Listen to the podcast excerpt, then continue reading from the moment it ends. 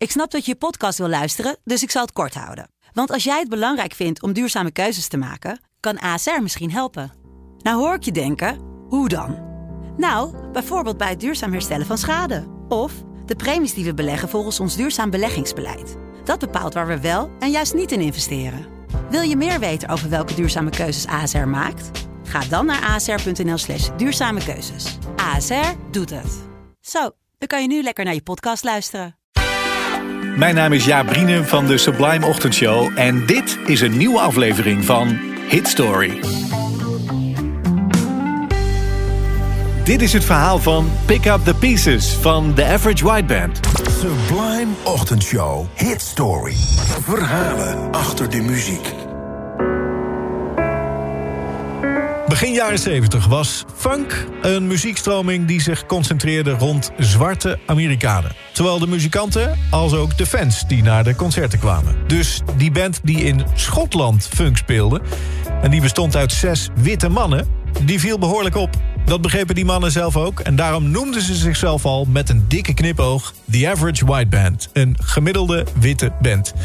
Gemiddeld waren ze allerminst dus. En in Schotland was er ook niet zoveel voor ze te halen. En daarom waren ze al vertrokken naar Amerika. Want daar begrepen ze hun muziek. En al vrij snel gebeurt daar ook waar ze op gehoopt hadden...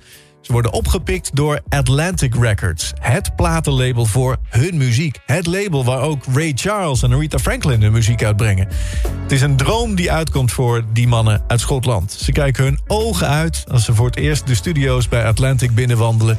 en ontdekken dat Aretha daar achter de piano zit. Ze is haar nieuwe plaat aan het opnemen.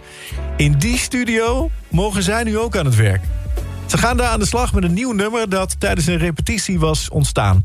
Er was een funky gitaarlijntje en een soort van beginnetje van een melodietje op de saxofoon. En van werken ze verder. Maar nu niet meer met z'n zessen op een paar vierkante meter bij een van hen thuis. Maar nu samen met de beste producers en technici in een wereldberoemde studio. En die mensen van Atlantic die zijn ook enthousiast. Vooral over dat ene instrumentale nummer. Pick Up The Pieces. Dat moet hem worden. Dat moet de eerste single worden, vinden ze. Blijkt een goede keus, want het nummer gaat meteen na het verschijnen al als een raket. En zo gaat ook het leven van die Schotse mannen ineens op de schop. Van de een op de andere dag leiden ze het leven van sterren. Als ze niet aan het optreden zijn, worden ze wel uitgenodigd voor feestjes. Jetset, filmsterren, Hollywood, maar ook drank en drugs. En ze gaan er vol in en al snel vliegt het helemaal uit de bocht. Tijdens een feestje in een villa in de heuvels rond de stad... zakt drummer Robbie ineens in elkaar. Hij blijkt een overdosis heroïne genomen te hebben en hij overleeft het niet. Robbie was de jongste van de band. Hij was pas 24. Hun instrumentale single staat ondertussen in de Amerikaanse hitparade... en komt een paar weken later zelfs op nummer 1. Maar de vijf overgebleven Schotten zijn dan nog bezig alles weer op een rijtje te krijgen. En zo krijgt de titel van hun single voor de mannen zelf een heel andere lading. Pick Up The Pieces.